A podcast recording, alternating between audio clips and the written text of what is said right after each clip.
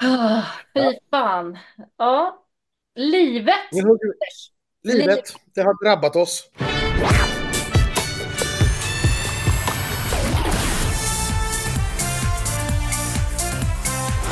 Då säger vi varmt välkomna till Schlagerfesten. Det är nu dags på riktigt. Den första deltävlingen ska hända på lördag och jag är superexalterad över det här.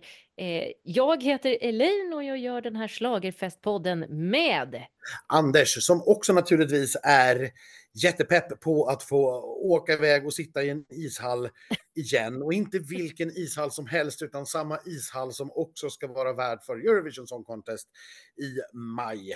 Eh, när det, där en av årets bidrag kommer att få eh, uppträda igen. ja, och jag läste idag, eh, Gustav Dalander, han gör ju ett gediget jobb med Melopedia som vanligt och kommer nu den här omgången då varje vecka släppa lite extra kuriosa. Och idag läste jag Mm. i den här extra kuriosan va, att vem som än vinner Melodifestivalen så kommer det att vara första gången den artisten står på en Eurovision-scen och är med i Eurovision. För det finns inga tidigare Mellovinnare med. Nej, inte på scenen i alla fall. Vi har ju några på låtskrivarsidan såklart. Men annars så brukar vi ju ha både tidigare mellovinnare och artister som har, och därmed också tävlat i Eurovision såklart, antingen för Sverige eller för något annat land. Mhm. Eh, Men det har vi inte i år. Eh, Det är ju lite udda såklart, men eh, det är väl roligt det också. Men vi har ju massor att prata om idag. Vi har dels ett startfält med sex bidrag och vi har ju pratat med en av artisterna, Adam Woods, har vi pratat lite längre med. Det kommer ni att få höra. Vi har också fått höra veckans låtar på SVTs pressuppspelning. Jag kommer att tycka en del om låtarna och berätta lite om dem. Men jag, Anders, jag kommer tycka att alla låtar är precis lika bra. För det är de i år. Och det finns ju såklart andra låtar också som är toppenbra. Ja, så är det. Och anledningen till att Elaine har bytt fot, eh, det beror ju på, ja du får berätta själv, det är lättare. Ja, det beror ju på att jag numera är anställd av Sveriges Radio, det vill säga public service. Och då är allt lika bra. Man, man, man tycker helt plötsligt eh, väldigt lite. Ja, eh, man kan möjligen diskutera huruvida någonting är upptempo eller en ballad, men bra, det är det. Ja, Ja, alltihopa. Eh, Men innan vi kastar oss in i deltävling 1 i Malmö, som ju på något fint sätt då öppnar där vi ska sluta sen, så ska vi ju prata om där det ska sluta. För Anders, du har tittat på en liten sändning från Eurovision idag, live från Malmö rådhus. Mm. Där vi hade the semi-allocation draw, eller som den numera bara heter lite mer dramatiskt, the draw. Ehm, och det var ju ett kärt återseende att se den rådhussalen. Där har vi ätit chokladfontän många gång. Det kommer vi inte få göra i år, men nog om oss.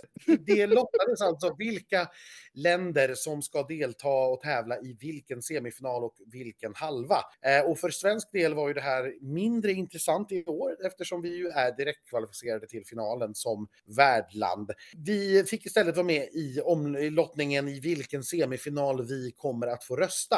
Och vi kommer att få rösta i den första semifinalen som går den 7 maj.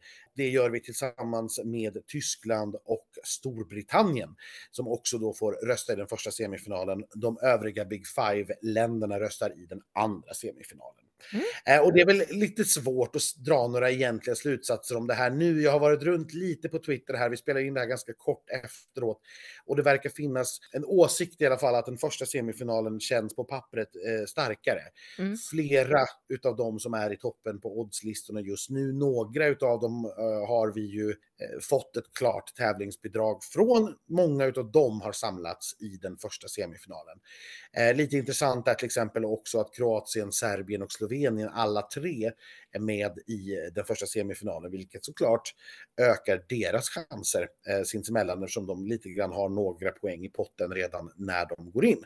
Däremot har till exempel Grekland och Cypern fått dela på sig och vara i olika semifinaler. Men nog om det. Vi kommer också snart, tror jag, det här har jag lite dålig koll på, faktiskt få ett eh, startnummer eh, som också brukar lottas nu. Eh, att värdlandets startnummer lottas direkt på Just Head of. Delegation Meeting.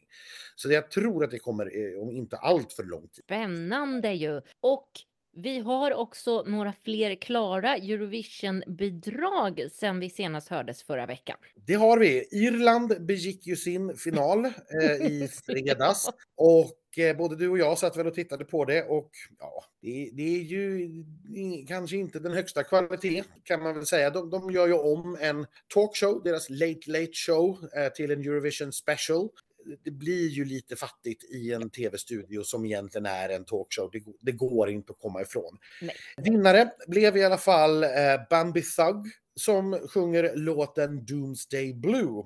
Vi, vi lyssnar på några sekunder.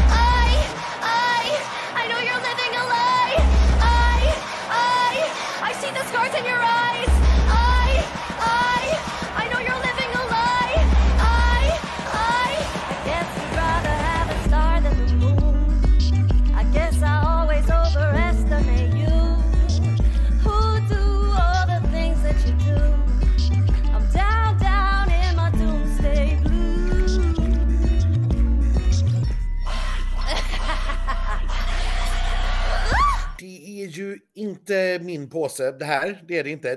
Texten inleds ju i verserna med Avada Kedavra och som stort Harry ja. Potter-fan så kan jag ju uppskatta det och den delen. Men i övrigt, nej, det är inte för mig. Men jag vet väldigt många irländska fans som tycker att men nu äntligen vågar vi satsa på något, liksom något annorlunda, någonting som sticker ut och någonting som, eh, som folk kommer att märka. Eh, och har ganska höga förhoppningar på att eh, Irland ska få sin finalplats för första gången då sedan 2018. Och före det var det ju faktiskt i Malmö 2013. Det har ju inte varit... Satan's Gay tätt. Nightclub som de kallade det för.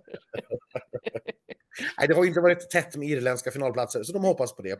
Ja. Luxemburg har också haft en final, väldigt påkostad. Första gången på 31 år som Luxemburg är med i tävlingen. Då ställde de till med en stor final i en eh, stor idrottshall jättestor påkostad scen. Flera tidigare vinnare var där och gästade och uppträdde, bland annat Alexander Rybak och Charlotte Perrelli. Mm -hmm. eh, vann gjorde till slut artisten Tali som sjunger låten Fighter som är en fransk-engelsk, tyckte jag, ganska käck låt ändå. Så här låter den.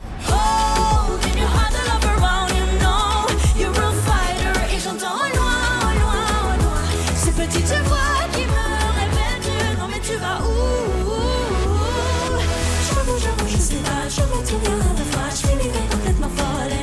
Men vi har en väldigt, väldigt upptagen helg framöver i Eurovision-världen därför att förutom att Sverige då först, eh, börjar med sin första deltävling så har vi finaler i Norge, Spanien, Ukraina och Malta.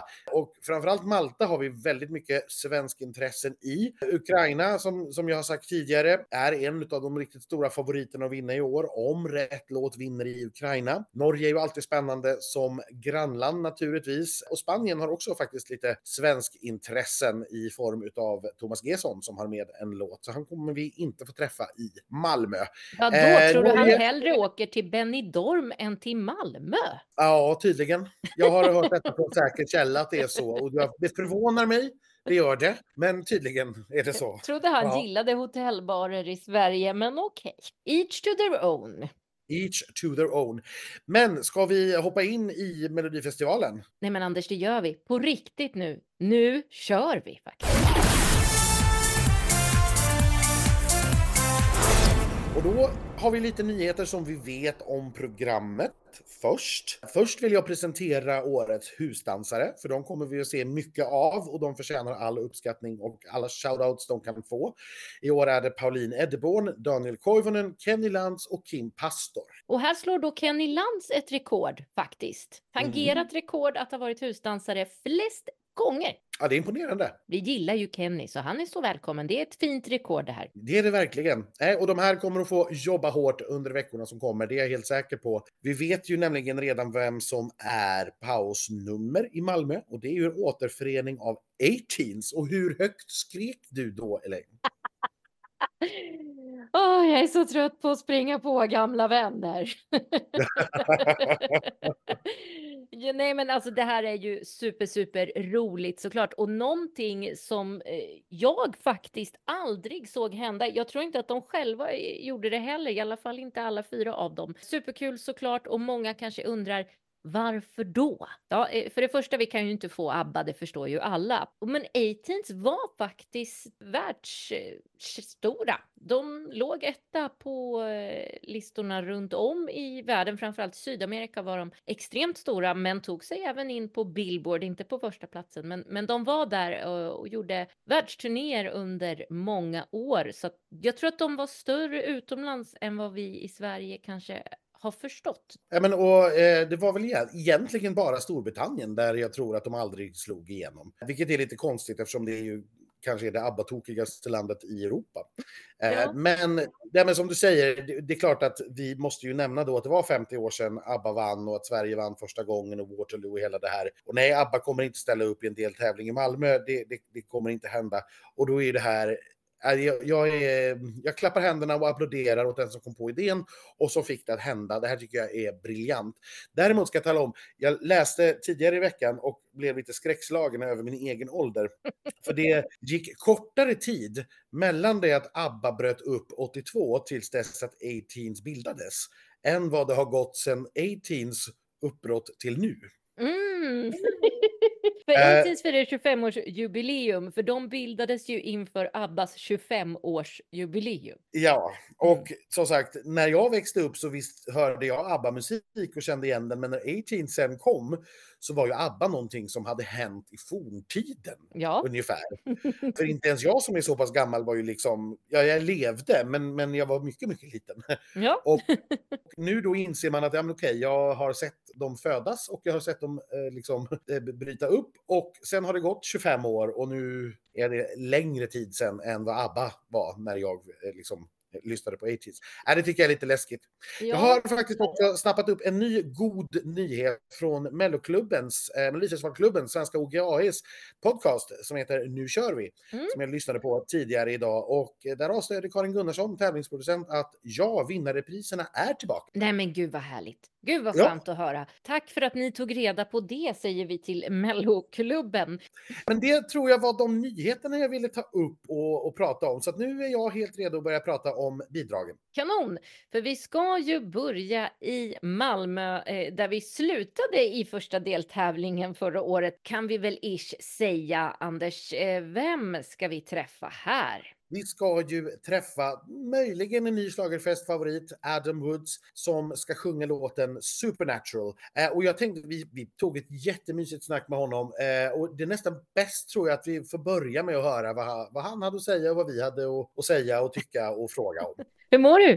Jag mår bra, jag mår bra. Vi är fullt ös med, med repandet. Jag såg att du var på danslektion med Charlie. Nej, men det har ni helt rätt i. Jag, jag körde med, med Charlie Stern, ja. men det är faktiskt inte relaterat till Mello specifikt, men det är mest bara för att jag vill komma igång. Jag vill ha den här känslan av att jag har lärt mig liksom svåra koreografier och har jobbat på den grejen. Jag har inte gjort det förut med tanke på att jag inte riktigt har kört artistgrejen. Även om det blir massa svåra koreografier på scen? Inte på scen nu. Alltså nu har ju den här koreografin som är på scen har jag i princip gjort själv. Och det är ju för att jag har gjort mycket av det som är på scen, mycket av konceptdesignen. Det har jag jobbat på i många månader liksom. Så att, um, så att jag vill liksom att koreografin ska kännas levande och det ska kännas som en del av allting. Det ska, allting ska vara så immersive. Så att uh, ingen del har kunnat göra utan den andra så att säga. Så jag har inte bara kunnat göra en dans och sen så, så bara ställa mig och rakt upp och ner och dansa utan allting är, är interlocked. Ni kommer få se, det kommer bli jättefint. Ja, ja, ja, ja. Så ingen, ingen avancerad koreografi utan det blir, det blir det bakom som är avancerat och, och, och fascinerande på något sätt. Ja, det, det, är, det är ganska avancerat men det är mer expressive. Det är inte ja. de här uh, alltså så, utan det är mer, det är mer ja. uttryck. Det kommer bli jättesnyggt. Om, om du tänker tillbaka, för nu var det ju ett år sedan som du gjorde det här första gången. Vad, vad minns du från det året nu? Ingenting, jag fick blackout. Nej.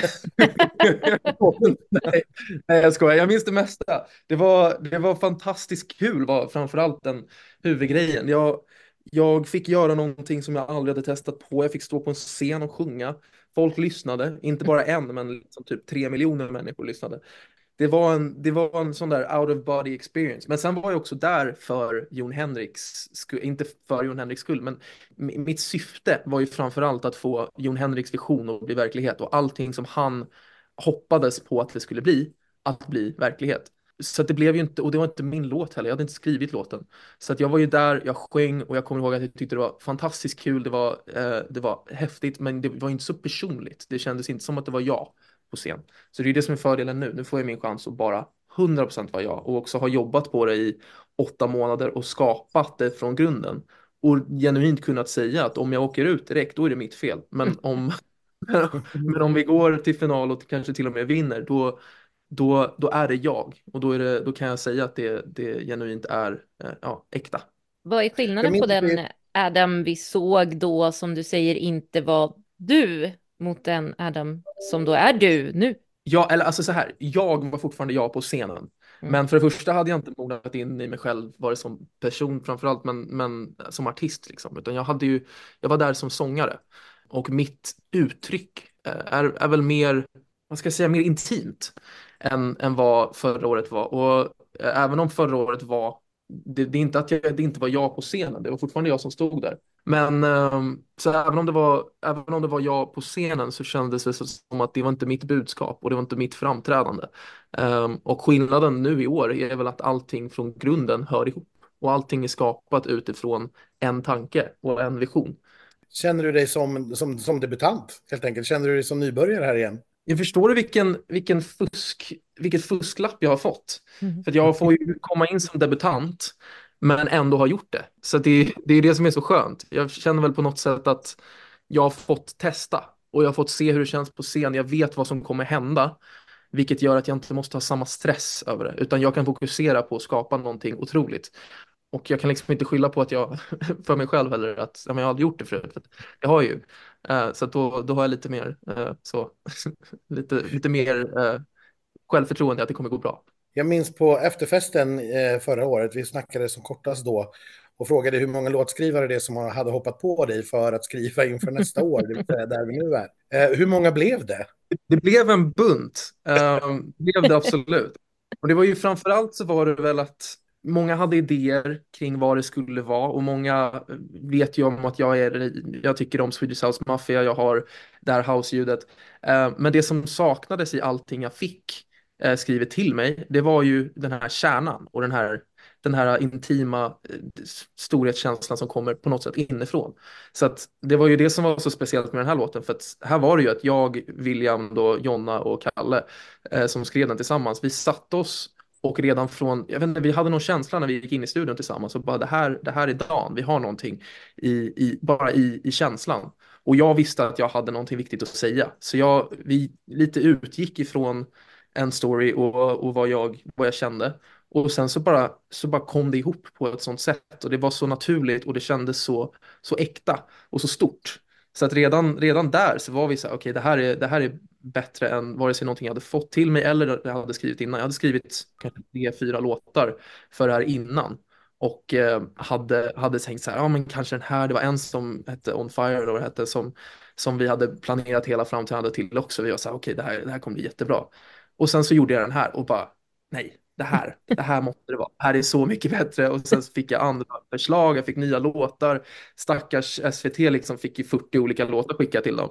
Men i slutet av dagen så var jag så, men det finns ingenting som är bättre än det här. Det här är, det här är jag på papper och det måste vara den här låten. Så vad handlar den om? Den handlar om att det är okej att älska och att bli totalt konsumerad av en, av en kärlek trots att det kanske ibland inte är helt rekommenderat. Och sen bara för att ibland kan det vara just den saken som får dig att älska dig själv. Och det är väl det låten handlar om, just hur en kärlek, antingen från en annan person eller från flera andra personer, kan, kan få dig att egentligen tro på dig själv och älska dig själv. Och för mig är det så personligt, för att jag har levt ett liv fyllt med, med själv, jag ska inte säga hat, men, men själv liksom, ja, men jag, jag, har inte, jag har inte älskat mig själv, jag har inte trott på mig själv framför allt och eh, trodde aldrig i mitt liv att jag skulle kunna stå på en scen och sjunga för någon. Utan det var ju liksom, jag var så här, nej, jag, jag skulle aldrig kunna, vem skulle vilja lyssna på mig, vem skulle vilja bry sig om mig egentligen. Men tack vare att jag släpper in kärlek och släpper in, tack vare de människorna runt omkring mig, så, så har det kunnat byggas upp. Jag hade aldrig kunnat klara av att stå förra året på scen om det inte var för, för kvinnan jag var med då till exempel.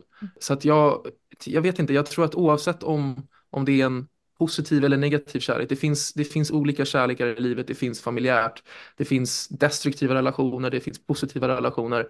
Men i slutet av dagen så, så är det värt att satsa och det är det det handlar om. Du säger kvinnan du var med då, är du inte, är du, är du inte ihop med henne längre? Tyvärr inte. Det tog slut ganska snart efter Mello. Det var bara eh, ett par månader efter. Um, så det har varit ett tufft år på grund av det också. Det var, mm. det, var det jag trodde var liksom mitt livs kärlek.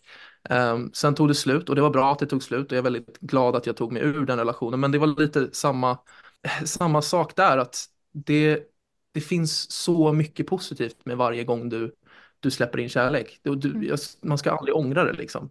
Även om det kan finnas bra och dåliga sidor i, i alla relationer och alla former av kärlek så när man låter sig själv vara tacksam för det så, så tror jag att man kan hitta en, en enorm lycka i det. Och jag är extremt tacksam för den relationen och jag är ännu tacksammare för alla människor jag har runt omkring mig idag. Mm. Eh, vare sig familj eller, eller vänner eller vad som helst. Du låter så klok, du, men du är inte så gammal. Nej, men jag, vet du vad jag har hört det sedan jag var 11? Och när jag var, när jag var ungefär 12 så insåg jag att jag tror att de har fel. Det är bara att jag, jag leker. jag, jag, jag har ett, ett bra sätt att prata och sen när jag ska agera då blir det inte lika moget. det, är det, som, det är det vuxenlivet handlar om egentligen. Det handlar om att få det att verka som att man vet vad man pratar om. Det är, det är hemligheten till att bli vuxen. Liksom. Exakt. Men e- efter att du hade gjort det här förra året och liksom det du trodde var omöjligt, stå på scen, sjunga inför jättemånga miljoner och ändå då få en hel bunt med etablerade låtskrivare som vill jobba med dig för att göra samma sak igen. Var det liksom en sån här del i inputen till att det är klart jag ska göra det igen? Eller var det låten i sig? Eller när, när kom det beslutet fram i dig? Ärligt talat så var det nog direkt efter finalen, typ dagen efter.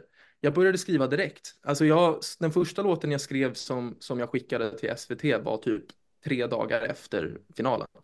Eh, och jag överdriver inte där, utan det var liksom...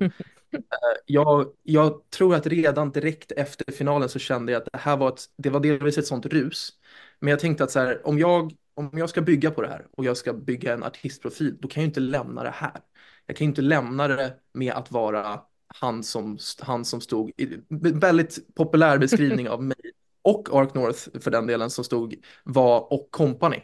Mm. Och Jon Henrik, jag är jättenära i, än idag, men, men vi, det, vi skojar ofta om det, just att det är så, eh, det blev en sån, det, det blev sån fokus på Jon Henrik, det blev inte ens fokus på låten i sig, utan det blev, det blev fokus på att det här är Jon Henriks berättelse och det, jag vet inte, jag kände väl redan direkt efter finalen att jag vill, gör, jag vill visa Sverige vem jag är. För nu har jag redan gjort det. Så det är inte så att folk kommer glömma, alltså det är inte så att jag kan ta tillbaka det, utan, och det vill jag inte heller göra, jag älskade varje sekund.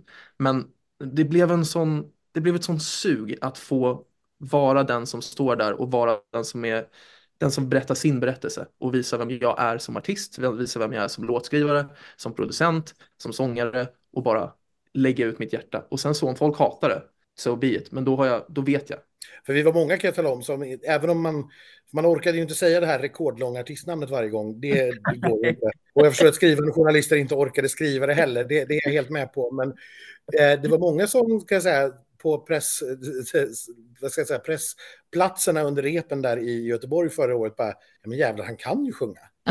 Jävlar vad han kan sjunga. Så det, det var ju det var ju samma för oss. Alltså, du var ju också uppe på listan över mest sannolika 2024 namn var ju uppe redan långt före finalen. Det var liksom, ja. det, det var, den, den kan vi liksom räkna ut med det vi sitter på.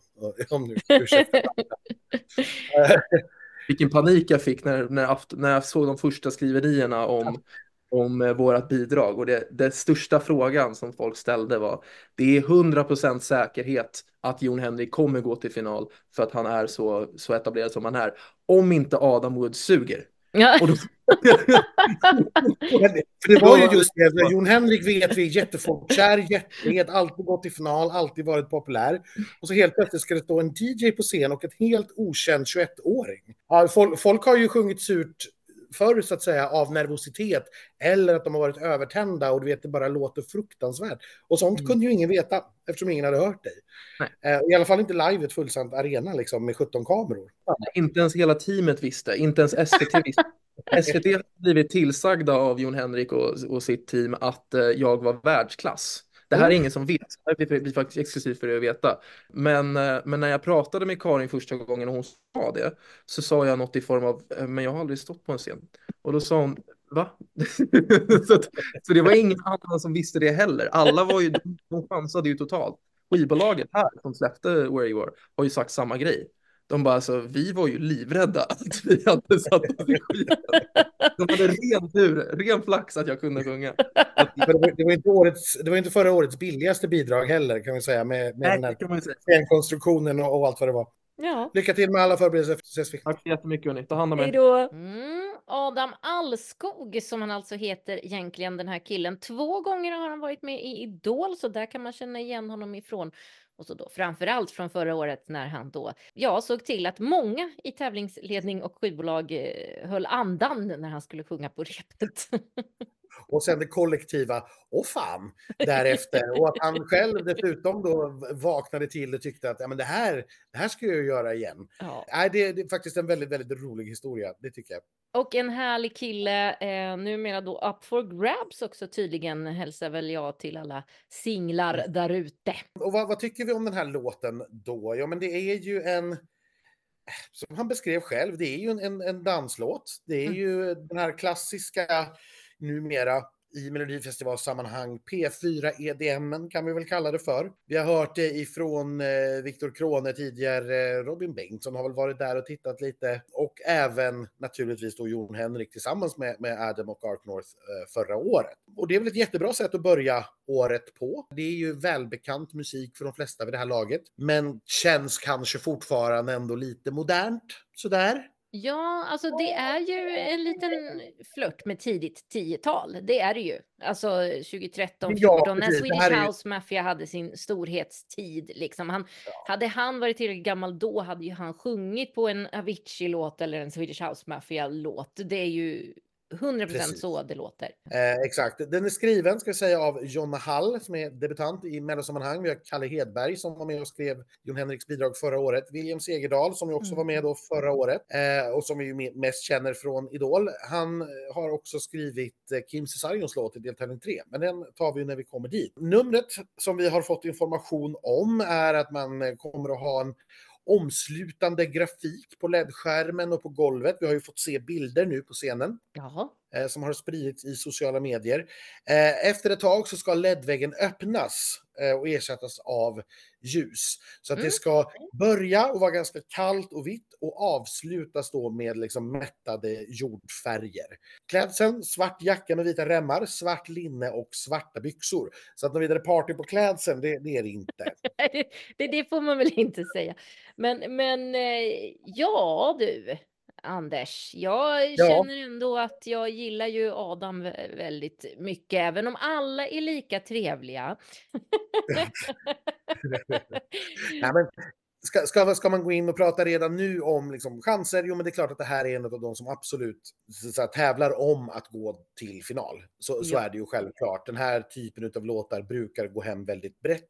Vi vet att man måste slå brett åldersmässigt, framför allt för att slå i den här tävlingen. Och det, det gör den här därför att det är ett bekant ljud för många. Det är första deltävlingen.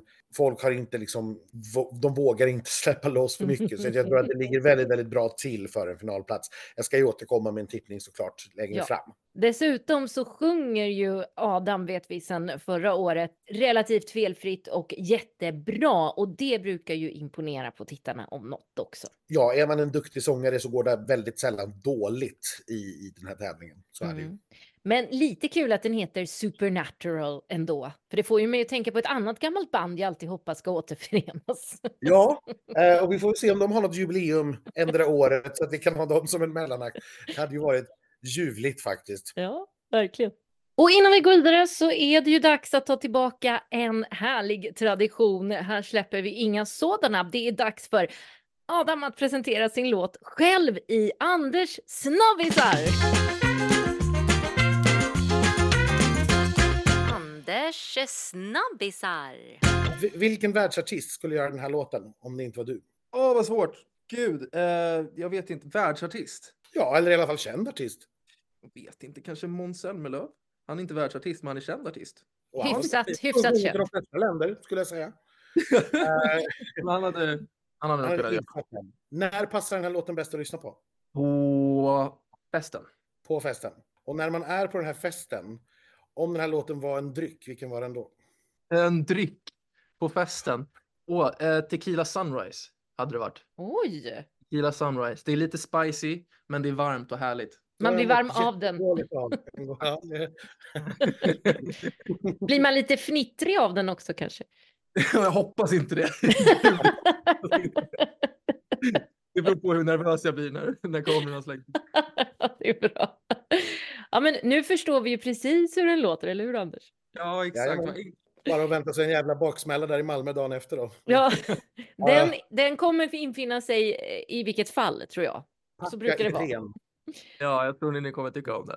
Tack så jättemycket för din tid. Superhärligt att lära känna dig lite bättre. Men tack själv, detsamma. Ses vi på mingel på torsdag. Ja, du ser vad kul. Ja, Ja, då jäklar blir det Tequila Sunrise. Nej, nej, det blir det inte förrän på lördag. Han måste ju tävla också. ja men inte för honom i alla fall och inte för mig heller. Nej. Anders, du får lite på, på lördag där så får jag. Jag var 20 eller 21 och satt i en lägenhet på Lilla Essingen och drack Tequila Sunrise precis Mm. hela kvällen. Jag har aldrig i mitt liv mått så dåligt som jag gjorde dagen efter. Alltså. Inte ens i Göteborg förra året. Ja, Göteborg förra året var ju... Det, det, var, det var redan på fredagen dessutom. Det var, Ja, det var nära. det var inte mitt livs stoltaste stund heller som vuxen man. Ja, Nej. nåväl. Eh, Vi det kan ska vi prata släppa om dig. Det här kan vi prata mer om bra, när vi ses. Ja, det låter jättebra. Och det gör vi på lördag. Eller ja, torsdag till och med. På torsdag. Ska vi gå Vidare då till, ja, nummer två.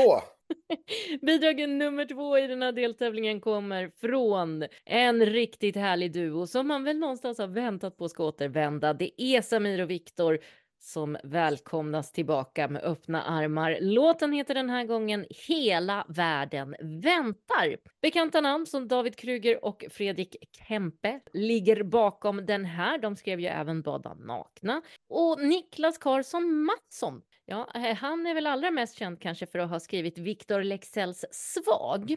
Det här är ju absolut väldigt långt ifrån Svag. Det är det verkligen. Och vi ska väl nästan påminna oss lite nu vilka Samir och Viktor var och hur stora de faktiskt var. För det har ju gått några år.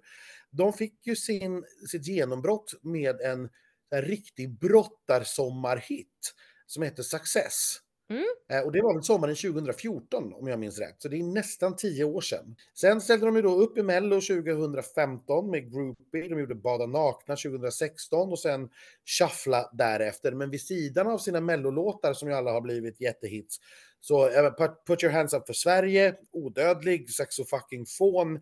De har en bra bit, ja en bra bit över 200 miljoner strömmar på Spotify den här duon. Sen blev det tyst för de eh, fick nog helt enkelt. Eh, Samir kände att han ville inte vara offentlig person längre. Eh, Viktor har ju berättat mycket om sitt, sitt välbefinnande och sitt mående och, och så vidare och så vidare och skrivit den här boken Superkraft om, om ADHD och, och så vidare. Samir har ju jobbat som, som mäklare. Men nu, nu kände de sig lite sugna och som vi förstod det, som jag har förstått skvallret, så var det här en SVT-idé i somras att de skulle få vara med på Allsången. Mm. Eh, och de blev lite förvånade av frågan men tyckte att ja, men det kan väl vara kul. Mm. Ungefär. Och sen hade de helt enkelt så jäkla roligt tillsammans och tyckte att men gud vad roligt det här var efter alla de här åren. Så att det kom ju en ny singel ut från det och eh, jag gissar att någonstans i, i den vevan så bestämdes det också att jo, men vi satsar på Mello en gång till. Mm. Eh, och kommer nu då tillbaka för fjärde gången. Jag pratade ju lite med Samir för ett tag sedan och då sa han ju det, för då var jag ju tvungen att fråga liksom, men, men klarar du av att komma tillbaka nu efter det du har gått igenom? För det var ju det att han gick in i väggen och han mådde väldigt psykiskt dåligt. eh. Men då sa han också det här med att man är ju, han är ju äldre nu. Han har lärt sig Ja. hantera det på ett helt annat sätt eh, och har verktygen med sig så att han känner att han eh, klarar av det helt. Ja, men och det är såklart, det är jätteviktigt eh, att man gör det. Och vi såg ju, eller jag var inte där, men du var där, att han tog pauser Mm. eh, på presskonferensen just för att nej, men nu behöver jag några minuter här när liksom, det blir för mycket foton och folk som pratar i mun på varandra och sådär. Mm. Eh, och det är jätteviktigt. Jag hoppas att, det, att de klarar av det och att det kommer att gå. Vi väntar på Samir och Viktor. Mm. Jag tycker att deras eh, scennummer låter fantastiskt på beskrivningarna som vi har fått här. De kommer att ha fem dansare. Det är alltså alla fyra husdansarna. Så har vi dessutom en gammal bekanting Mm. som dyker upp här. Och jag tror att det har att göra med att temat för det här ska vara broderskap, fest, energi. Koreografiskt tema är fest och akrobatik. Ja, och vi känner ju igen då den här femte dansaren Clive Rudd från ett danskollektiv som håller på med någon form av breakdance och akrobatik. Han dök upp i Övik och sjöng bakom Olivia. Mm. Eller sjöng gjorde han inte, han dansade. De dansade, dansade. och de blev väldigt uppmärksammade för att de var väldigt eh, duktiga och de bjöd ju till och med på ett rep utan tröjor för att det skrevs så mycket om dem. Ja, nej men eh, då- tanken är en LED-skärm här eh, som ger känsla av att resa genom olika miljöer. Och det står också på Melopedia ett hemligt inslag som kommer på torsdag. Det här är ju spännande. Är det Teos på skärm igen? För Teos var ju på skärm under Shuffla. Det hade varit otroligt roligt. Det, Ja. det hade, nu är de på olika skivbolag nu för tiden, men det hade varit fantastiskt roligt med den blinkningen. Verkligen så här, if you know it, you know it, annars så går det förbi. För hela låten är ju egentligen en blinkning till deras karriär. Det här är ju liksom stoppa ner alla hits de har gjort i en shaker, skaka loss den och ut kommer den här. Och det finns väldigt, det, det är ett dansbreak, ett stick mitt i som är, eh, ja, eh, det, det är ju bara nakna. Det är ju det. Mm, Och på ja. slutet har vi väl eh, groupie också. Ja. Så att det, det, det är absolut så det är.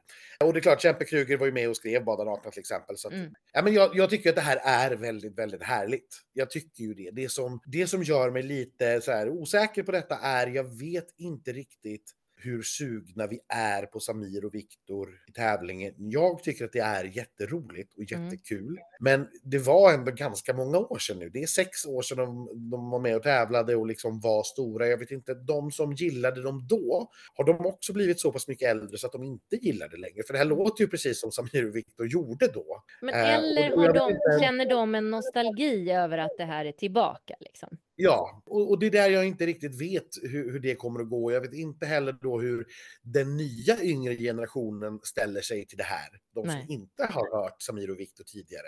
Nej? Och som sagt, den äldre generationen kanske aldrig gick på deras spår och kommer väl kanske inte göra det nu heller. Så att det är väl, ja, lite grann där står jag och, och, och tvekar. Jag är li, ganska säker på att de inte kommer att lämna tävlingen och åka ut. Men jag, ja, lite sådär att jag är inte säker på att det här riktigt kanske är finalklart. Men vi får se. Det får vi verkligen göra om bara några dagar. Om bara några dagar, ja. Vi ska ju säga det att vi har ju hört låtarna i studioversion, vilket naturligtvis inte alls är samma sak som att se det Nej. på scen. Eh, För när tittarna möter låten första gången så är det ju live. Och då Mm. kan ju mycket hända. Mm. Det vet vi sedan tidigare. Och torsdag kommer vi ju få se klipp. För in, varken du eller jag är på plats. Pressen får vara på plats, men, men vi hinner inte det helt enkelt. Så vi kommer titta på det på eh, internet för pressen. Och eh, då får vi ju veta hur det ser ut och hur de låter live på ett rep. Och då kan jag passa på att nämna det, det kanske jag skulle ha sagt tidigare, att ni som sitter där hemma, ni kommer precis som förra året att på torsdag morgnar klockan sju få enminutsklipp av bidragen. Och på fredag morgnar klockan sju så kommer det att läggas ut 30 sekunders klipp från torsdagens rep så att ni också får en liten här, uppfattning om hur bildproduktionen kommer att se ut. Just Ja, men då ska man komma ihåg att det inte på något vis är färdigrepat det ni ser. Så att eh, det kommer kanske att se annorlunda ut och ett sånt litet klipp är liksom svårt att bedöma. Så det handlar bara om att få ett litet så här smakprov för att förstå åt vilket håll det, det går så att säga. Ja, Men då går vi väl vidare till låt nummer tre då, som är min melodi faktiskt. mm, är det din melodi verkligen Anders? Ja, men, ja, men det, det är det. Eh, Artisten här är, och, och nu är det risk för att vi råkar ut för ett nytt Panetos Gate. Ja, eh, som vi gjorde förra året. Vi har haft lite problem med uttalet av det här efternamnet, men Melina Borglov tror jag att vi har landat i att det ska uttalas. ja, det är ju så hon Eh, säger själv. Exakt, och vi försöker imitera det så gott det går. Så Melina Borglov, eh, hon är naturligtvis, höll på att säga, debutant i Mello. Eh, hon började musik väldigt, väldigt ung. Hon eh, släppte sin första singel som 13-åring redan. Nu har hon blivit dubbelt så gammal, hon är 26. Eh, och hon har gjort eh, online till exempel en massa covers av Lars Winnerbäck som han själv har eh, uppmärksammat och hyllat och delat. Mm. Sen gjorde hon ett litet uppehåll och jag tror att hon fick barn. Och sen Ja, det fick hon ju. kom hon tillbaka och började göra ny musik 2022. Ja, då kom väl den här tanken då på Melodifestivalen som en möjlig liksom, plattform och språngbräda att kunna bli ja, men, sedd och hörd av en större publik. Mm. Helt enkelt. Hon var ju Eh. faktiskt med i Musikhjälpen i december och visade upp sig lite grann. Det ser man, det missade jag. Bakom det här är en väldigt, väldigt spännande kombination. Vi har, först har vi Thomas Gesson, som ju alla känner till vid det här laget. Det här är hans 70 bidrag i Melodifestivalens historia. Han har ju fyra, fyra till i år. Mm, mm. Men, men det här är det 70 eh, och jag menar vi, vi kan inte räkna upp alla, men han har vunnit fyra gånger och de kan vi i alla fall då nämna. Det är Tattoo, Euphoria, Evighet och Lyssna till ditt hjärta. Så han har ju också två Eurovision-vinster som låtskrivare. Och vill Men- man höra alla Gessons låtar så har ju våra frenemies, schlagerprofilerna, en playlist som heter En 69 med Gesson och där ligger de allihop. Ja, det gör de. Så kan man sitta och rangordna dem själv om man vill. Ja, Han har parat ihop sig här med Andreas Mattsson och det här är en mellodebutant. Eh, Och är man riktigt djupt ner i schlagerträsket så har man kanske ingen aning om vem Andreas Mattsson är.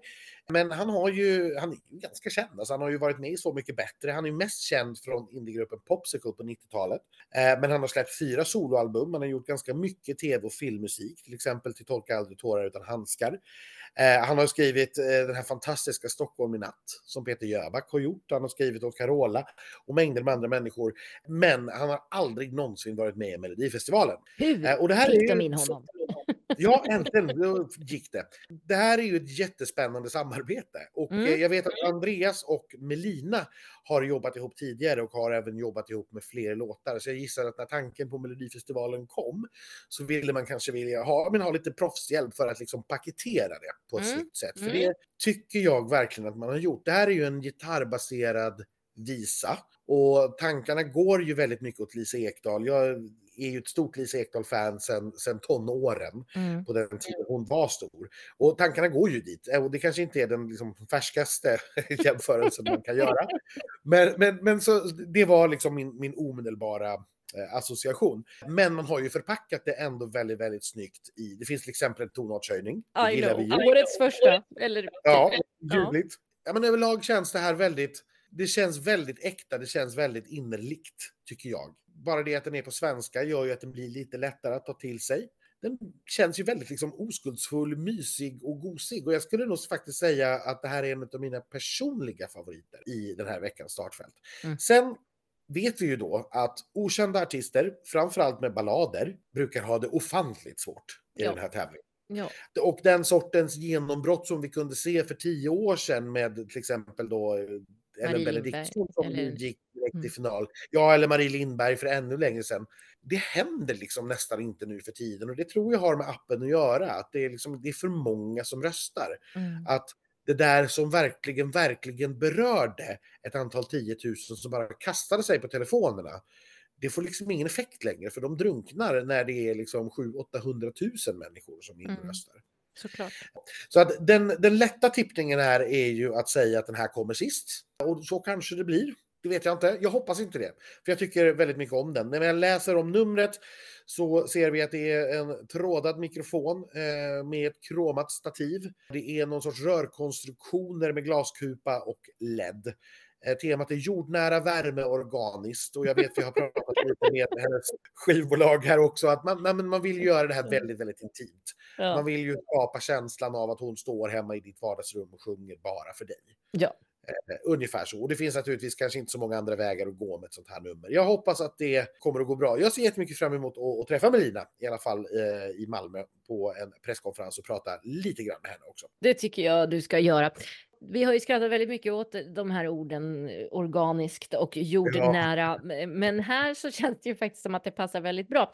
Och om man vill ha en modernare referens än, än, Lisa Ekdahl eh, så skulle jag kanske säga Lalles ballader eller Melissa Horn. Fast Ja. inte lika deppigt som Melissa Horn. Det här är ju faktiskt en glad låt. Melissa Ja, precis. Det här är, det här är ju en kärleks, kärleksmelodi helt enkelt. Ja. Eh, det är inte deppigt alls. Eh, Nej. Men nej, det, det är helt, helt korrekt. Betydligt mer modernt än Lisa Ekdahl. Även om det är, ja, hon har väl fått en liten revival ändå kan man väl säga på Ja. 10-talet. Sen, sen går åsikter eh, isär angående om den här rösten är, är trevlig eller inte, men det får ni ju bedöma själva sen. Det tycker Ja. jag ingenting om. Inte, inte, inte någonting alls. Nej. Men på, på tal om de här eh, tema och värdeorden som varje nummer har fått. Mm. För nästa bidrag så är ju det här, ja men själva kärnan kan vi väl säga.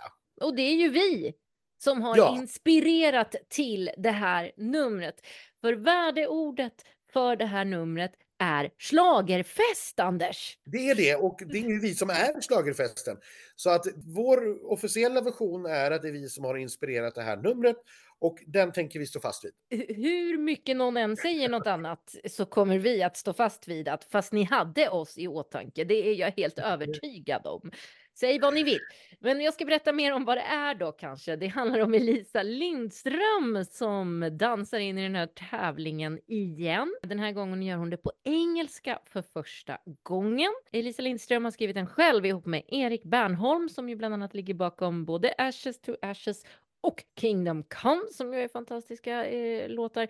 Henrik Axelsson, Henrik Setson från Casanovas och Thomas Gesson. Ja, Henrik Axelsson hade jag inte så mycket info om. Jag vet inte om du har det. Henrik Axelsson, han, han kommer ifrån Gånghäster. Eh, det är en liten, liten, liten by strax utanför Borås. Och där ska jag tala om för dig, Elaine, där är även jag född. Nej, Jo, så är det. Så att för, under förutsättning att det inte finns fler gånghästar då ska tilläggas. i Borås. Är, ja, ja nej, men för det, det, det står inte i pressinformationen att det är gånghästar i Borås, men Nej. jag hajade naturligtvis till. ja, och det är Eh, första är gången alltså- han är med. Ska sägas. Ja, precis. Och han har skrivit dansbandsmusik tidigare åt flera dansband. Mm. Jag tror att han också är steward på flygbolag faktiskt. Men gud vad härligt. Men, men låten är ju nu äntligen då en schlagerdänga. Här får vi Perrelli möter Jessica Andersson, möter Jenny Silver och så vidare. Ja, precis. Alltså, alla de här du nämner, We're still young, Mm. Something in your eyes. Mm. Det- Erik Bernholm har ju varit med och skrivit dem. Och Henrik Setson har varit med och skrivit Lyssna till ditt hjärta. Och som sagt, det här är Gessons 71 bidrag. Eh, Han är ju till och med invald i Hall of Fame två gånger. Ja. Eh, Både för sina samlade verk och för Euphoria. Och vi vet att ja, vinner man Eurovision då blir man automatiskt invald i Hall of Fame. Så han kommer bli invald i Hall of Fame för tredje gången i år. och och, och det, det är ju svårslaget naturligtvis. ja.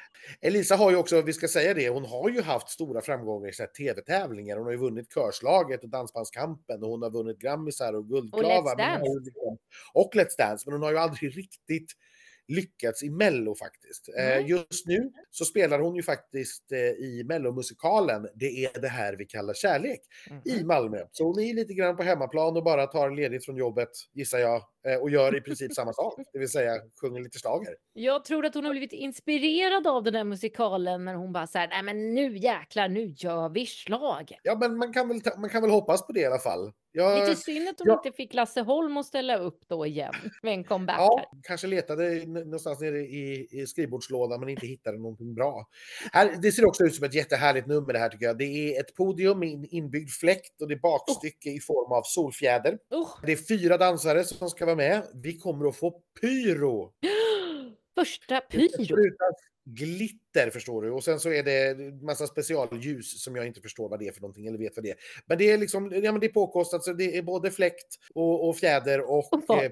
Och Då har man väl fått allt man vill ha i ett schlagernummer. Mm, Jo, jag, tycker, jag, jag, jag faller ju pladask för det här. Vid sidan av Melina är detta min personliga favorit den här veckan. Jag älskar ju detta. Jag hade föredragit, det ska jag erkänna, om den hade varit på svenska. Men fine, den här sortens liksom äldre låtar, det har faktiskt gått bättre på engelska när de har tävlat. Så att jag får väl vika mig då. Å andra sidan var det länge sedan vi hade en sån här riktig slager på svenska som riktigt hade fått chansen. Mm, mm. Man kan inte få allt, Anders. Men vi hoppar vidare till bidrag nummer fem. Här har vi en Mello-veteran trots sina 25 år. Det här är nämligen femte gången som Lisa Ajax ställer upp i Melodifestivalen. Den här gången gör hon det med låten Awful Liar, eller som du vill översätta den till, Jag ljuger så bra.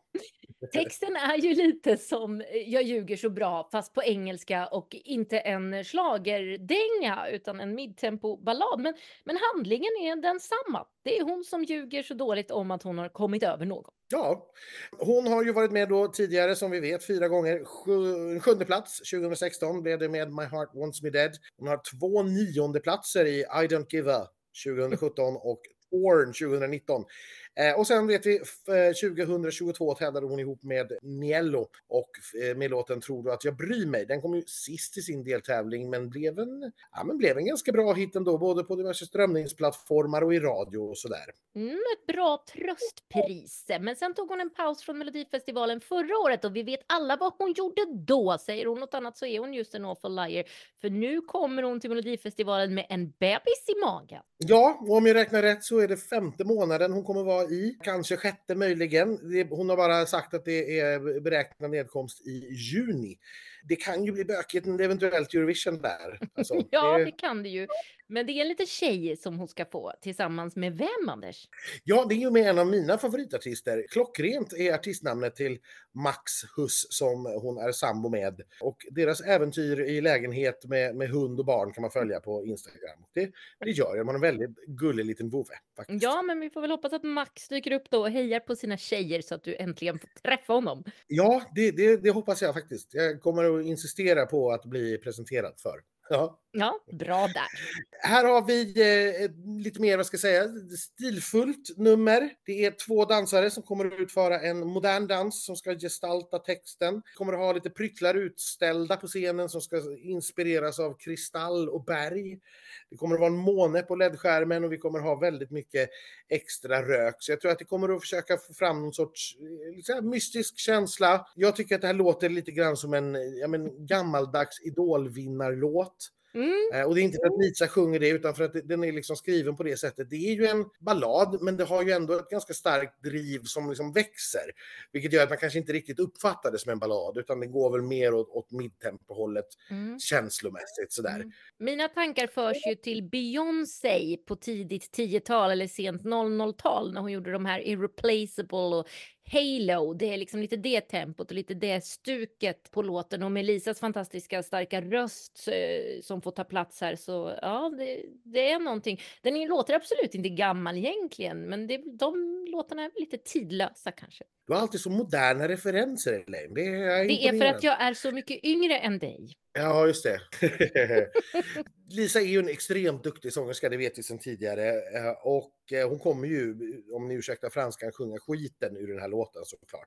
Mm. Och jag tycker verkligen inte att det är dåligt. Jag tycker att det är en jättebra låt, men det finns ju någonting här som men lite grann saknas för mig. Den blir lite själlös, den blir liksom lite opersonlig. Mm. Det känns lite grann som en låt som lite grann vem som helst hade kunnat sjunga. Det, att det inte liksom direkt är kopplat till just Lisa Ajax här och nu. Och det, nej, det, det, det, är det ju inte. Där. nej, nej, men jag, jag, jag, jag liksom inte riktigt till den liksom. Så att det är väl någonting där. Men vi ska säga någonting om låtskrivarna också såklart. Det är skriven utav, eh, först och främst har vi då två låtskrivare som gör eh, sitt andra bidrag. Eh, det är Sebastian Atas och Viktor Sjöström. Den första låten eh, skrev de tillsammans, det var Innocent Love. Med på Innocent Love hade vi också Viktor Krone som ju också har skrivit dels då sina två egna bidrag men ytterligare ett år som artist har han varit med. Mm. Eh, han var också med på Innocent Love och David Lindgren Zacharias var också med på Innocent Love men det här är hans tionde bidrag. Han har ju till exempel skrivit Klara Klingenströms fantastiska Behöver inte dig idag från 2021. Otrolig låt. Ja, jättepepp på att se vad Klara Klingenström kommer med till tävlingen längre fram. Uh-huh. Nej, men den lätta tippningen här är ju att säga att ja, men Lisa Ajax ändå som, en, som ett känt namn med en bra låt och hon kommer att sjunga fantastiskt. Som vi sa tidigare, den som sjunger bra går det ju sällan dåligt för i den här mm, tävlingen. Mm. Och, och, och, då är den lätta tippningen och säga att ja, men hon kommer att klara sig kvar, åtminstone i tävlingen, minst till finalkvalet. Mm. Men personligen så är den kanske inte riktigt där för mig. Eh, faktiskt, därför att jag, jag, jag, saknar någonting i den. Så kan det ju vara, men hur känns det då inför bidrag nummer sex, Anders? Här ska vi ju få återse ett härligt gäng från förra året. Smash Into Pieces gjorde ju en jättesuccé förra året när de slutade på tredje plats med, äh, tredje plats, äh, med låten Sex Feet Under.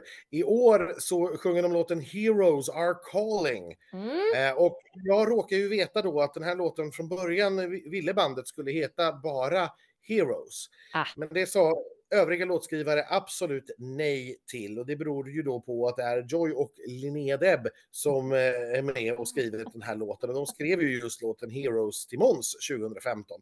Och det, nej, det går inte att skriva det, en sån titel en gång till utan då fick den bli Heroes Are Calling.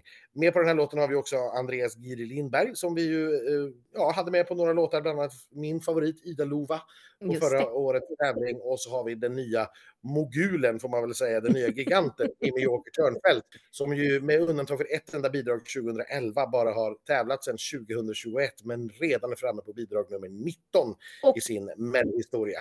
Alltid har gått till final. Ni hörde allt om alla hans rekord här under förra veckans eh, podd. Precis. Eh, Och han har ju redan då på de åren hunnit skriva två vinnare, Voices och Tattoo.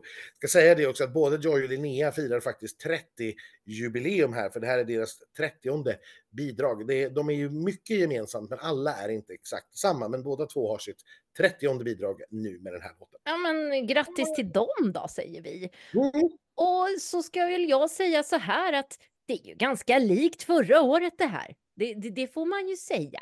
De har inte ändrat på ett vinnande koncept, det har Nej. de inte gjort. Nej, det har de inte gjort. Eh, man har lagt till en publikfriare av rang dock. Någonting väldigt trevligt.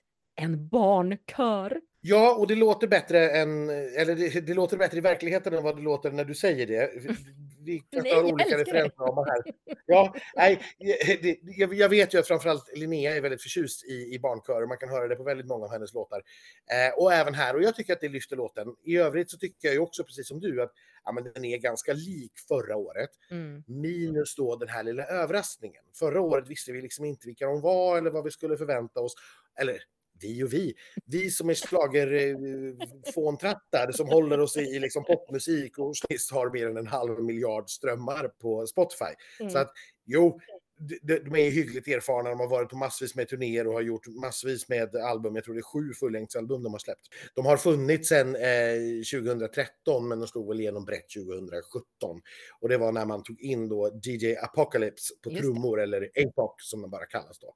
Mm. Eh, I övrigt är det ju Per på gitarr eh, och Adam på sång. Och sen har vi dessutom Benjamin på gitarr. Och Benjamin är den som var med och startade bandet en gång i tiden. Han är den enda som är kvar ända hela vägen tillbaka.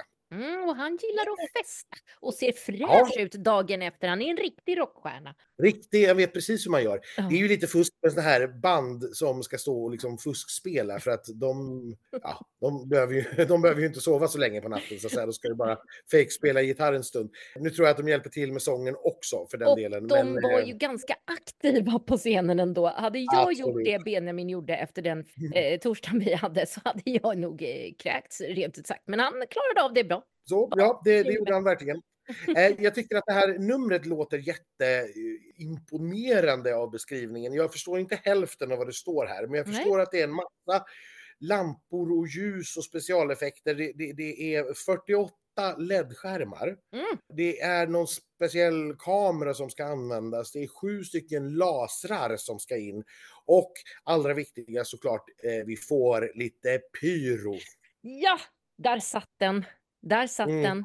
Alltså allt med pyro får poäng av mig. Det vågar jag Ja, säga. men jag vet ju det. Ja, så Mm. är det. Och, Mm. ja, nej, men, och, ja, som sagt, det här är ju ett, ett, ett, det pratade vi om redan förra året, det är ju en grupp och ett band som är ganska liksom, visuella Mm. i sina låtar. De tänker visuellt redan när de gör låtarna. Det kan man se i deras musikvideor och så här när man backar tillbaka. Så att, jag tror att det här kommer bli ett alldeles fantastiskt nummer och jag Mm. tror att med det genombrottet de fick förra året, de är liksom redan populära bland kidsen. Det finns alltid en stabil rockpublik. Så, så har jag väldigt svårt att se att det här inte liksom skulle vinna den här deltävlingen. Jag kan liksom inte förstå varför de inte skulle göra det Nej. eh, med all den här bakgrunden. Tack för det, Anders. Det är så Ja. svårt att inte jag ska säga vad jag tycker. Så jag måste liksom bita mig i tungan hela tiden och bara "Mm, tack då. Tack, tack för. Tack. Men innan vi sammanfattar det här och tittar på lite odds och tippar lite grann, för det får ju även jag göra, så ska vi ta tillbaka en annan tradition. Ja, som ni vet, vi bryter dem inte. Här är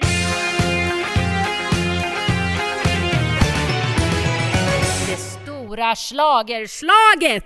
Vilket yrke utbildade sig Samir till och jobbade som under sin paus som artist? Men det vet jag. Han jobbade som mäklare. Och eh, andra delen av duon då, vad heter boken som Viktor Frisk gett ut? Mm, Åh, gud, jag, han kommer bli jättearg. Eh, jag vet inte.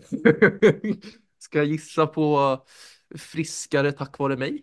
Min superkraft heter den. Ja, super, ja, supernatural. Exakt.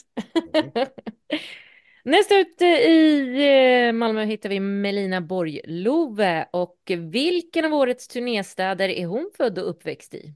I, gud, det är ju en jätteliten stad, sa hon. ju. Har jag för mig att hon sa. Är det Växjö?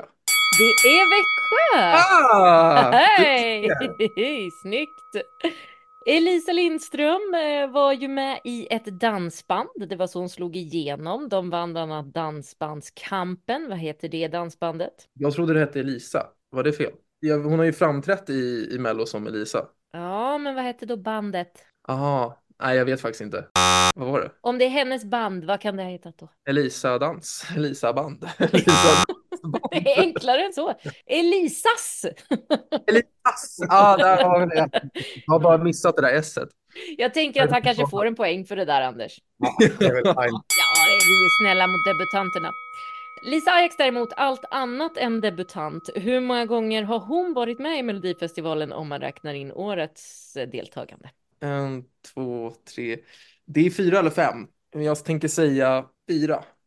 Det är ju fem i år då. Det var ju nära. Det var nära. Hon är faktiskt den i årets tävling som har ställt upp flest gånger ihop med Danny och Liam.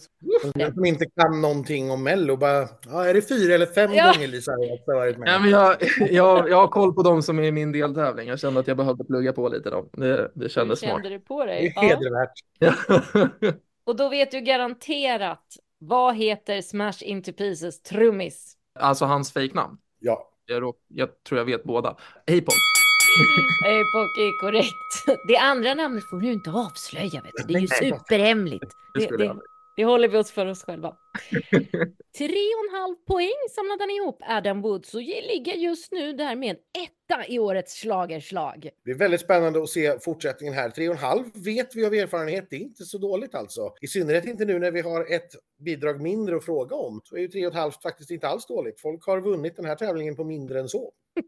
Det kan man Ja. lugnt säga. Vi får se hur länge han bevarar sin första plats. Eh, Anders, du har ett litet inlägg, en analys. Professor Anders är tillbaka. Ja, jag får göra ett litet inhopp även i, i, i, det här avsnittet. Och det är en liten spaning som jag har gjort från de två senaste åren. Och det är alltså sen vi började presentera en deltävlingsvinnare. Och nu är det ju naturligtvis så här, SVT säger att nej, nej, vi har inte en deltävlingsvinnare, vi har två. De har bara tagit sig till final på olika sätt.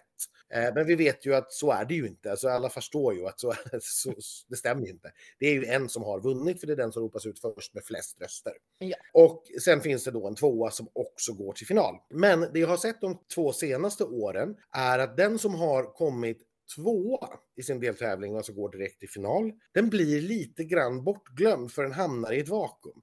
I och med att vi vet vilka som har vunnit respektive deltävling så vet vi ju vilka det står emellan om vinsten när vi går in i finalen. Det är ju högst osannolikt att någon som redan har fått stryk i en deltävling helt plötsligt skulle gå och vinna i finalen. Samtidigt har de här tvåorna inte fått fördelen av att kunna släppas kommersiellt, så att de har inte legat ute på strömningsplattformarna.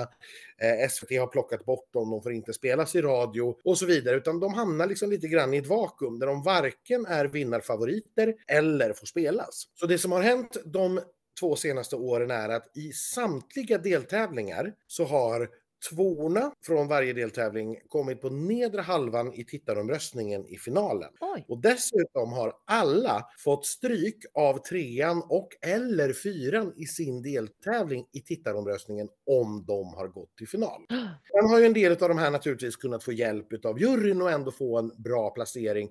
Jättetydligt exempel är ju Paul Ray till exempel som förra året gick till final som tvåa, kom sist i tittaromröstningen men hjälptes upp av juryn till en ganska bra placering i alla fall. Fall. Men eh, flera andra sådana här, vi ser Toner. Panetos till Mm. exempel gick ju till final från Linköping och fick stryk av Teos i finalen i tittaromröstningen. Därför att, tror jag, de får släppas de låtarna som har Mm. gått till andra chansen, semifinal, nu finalkvalet. De får leva sitt liv, folk får höra dem, folk, de växer Mm. eh, och man pratar om dem. Jag skulle vilja också dra jämförelsen tillbaka till 2010 när vi senast hade så här att vi faktiskt presenterade en vinnare, vem fick flest röster? Mm. Och då hade vi i Göteborg, Timotej gick direkt till final som vinnare och Darin var tvåa. Hade man inte publicerat vem som vann så hade nog alla utgått från att Darin var den som hade vunnit deltävlingen. Samma sak hände i deltävling 4 det året i Malmö, att eh, Anna Bergendahl gick direkt till final som vinnare följt av Peter Jöback som tvåa. Och hade man inte presenterat vem som vann så hade nog alla utgått från att Peter Jöback vann den deltävlingen. Det här fick ju nu som konsekvens att när vi kom in i finalen så visste alla att Darin hade redan fått stryk av Timotej. Mm. Peter Jöback hade redan fått stryk av Anna Bergendahl och det var Anna Bergendahl som gick in med vinnarbuzz Mm. in i tävlingen. Peter Jöback visste alla, det, var, det fanns liksom ingen chans. Mm. Eh, så att det är lite grann samma grej nu. Undantaget gäller ju de som har gjort det i sista deltävlingen, för de har ju Just fått släppa sin låt i alla fall. Mm. Så där har vi ju Into Pieces till exempel som gick som tvåa men fick ju släppa låten omedelbart efteråt och då kunde de fortfarande komma väldigt, väldigt bra i, i finalen och det var Mm. likadant 2022. Men det här är, det kan naturligtvis vara ren slump att det har råkat bli så här i alla de sex deltävlingarna på två år. Mm, men vi vet ju att att- statistik Mm. ljuger inte. Nej, alltså det är ett väldigt litet urval med väldigt få datapunkter. Men jag tror att det ligger någonting i det här att de som går till final som tvåa, i synnerhet nu när vi lägger på ytterligare en vecka innan låtarna får släppas. Mm. Det är ju alltså så att den som går till final som tvåa nu i Malmö kommer ju inte få spelas någonstans förrän den 2 mars tror jag. Oj, ja. Och det är, det är ju liksom, det är ju över en månad bort. Mm. Jag tror att vi riskerar att glömma bort den där låten helt och hållet. Och så hamnar den liksom i någon sorts radioskugga. Helt Just enkelt, när Så den här andra platsen, den ska man liksom inte se så... Alltså det är ju kul att fira på kvällen då när, när man går till final. Men egentligen så är det en liten bittersweet eh, firande där då, menar Ja, du? det riskerar i alla fall att bli det. Sen Mm. kan man som sagt fortfarande få hjälp av juryn och få en, en bra placering. Och det är klart att, att få uppträda inför ett fullsatt Friends i Mm. mellofinalen är naturligtvis en enorm seger. Men tävlingsmässigt så är det nog bättre att vara tre eller fyra.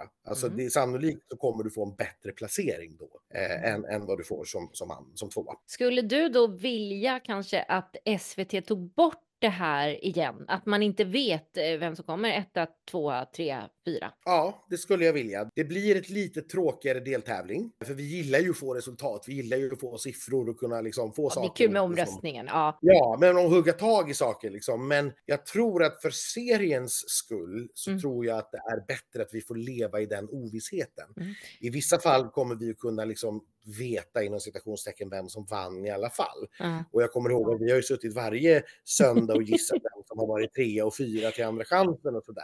Ja. Och det är klart, i 70-80% av fallen har man rätt, men emellanåt har man fel. Mm. Och bara det att man faktiskt inte vet. Att man att sitter det och spekulerar är ju lite roligt också. Ja, nej, men och det blir öppnare när vi kommer till finalen än Mm. om vi liksom redan vet. Mm. Eh, på något vis. Så det, det skulle jag, jag vi, vi får ge det ett år till här nu, men och, och sa, upprepar sig samma sak en gång till, att liksom tvåorna i de här fyra första deltävlingarna faktiskt går ganska dåligt i finalen, så då, då kan vi nog utesluta att det är en slump, utan då är det Mm. faktiskt en riktig effekt Mm. av att, eh, att man gör på det här viset. Och då, då, då tycker jag nog att man ska backa på den.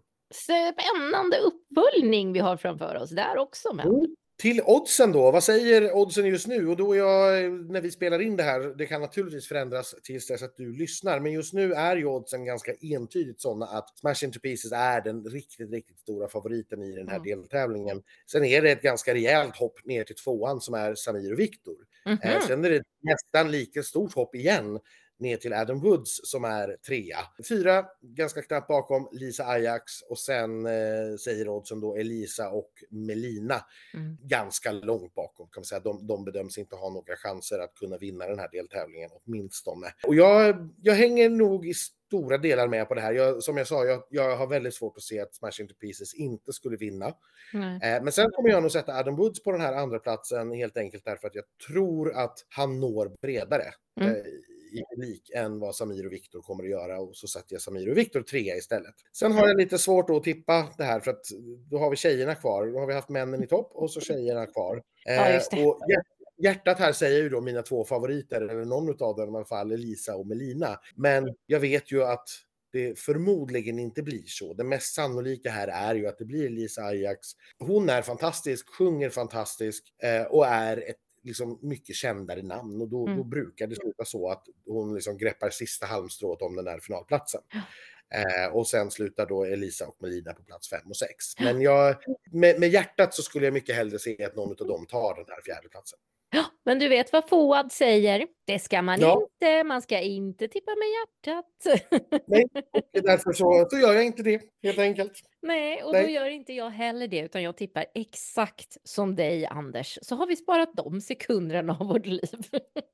Ja, det, det här var en tillräckligt långt avsnitt ändå tycker jag, så att det, det, det blir bra. Lite extra Eh, långt. Det ja, det är lite tråkigt eh, att vi tycker lika eller tror lika, men eh, jag tror att det är där vi landar. Men det här är ju naturligtvis helt osett. Men vet du vad vi ska göra då på tal om osett? För en annan grej som lyssnarna skrev att de tycker är något av det roligaste vi gör, det är när vi skriver de här lapparna med vem vi tror ska vinna Ja, innan just vi har sett och hört någonting. Så eh, jag tycker kanske att eh, vi ska göra det. Ja, men det, det, nu är det lite fusk eftersom vi ändå har hört 6 av 30. Ja, men, fast vi, eh, vi ja, kan väl säga att vi skrev lapparna innan vi hörde de här sex. För Ja, du hade ju en säga. tanke dessförinnan och det, det hade väl jag med. Mm. ja, absolut. Mm. Eh, Och eftersom vi sitter då på olika håll och digitalt så, så skriver vi våra lappar och så får ni helt enkelt lita på att vi har gjort det så får vi hålla koll på våra egna lappar. Vi är ju inte fuskare. Nej, mycket är vi, men det är vi faktiskt inte. Nej. Men Anders, nu är det dags på riktigt. Nu ska du packa väskan. Ja, nu ska eh, väskan packas och förflyttas ner till Skåne.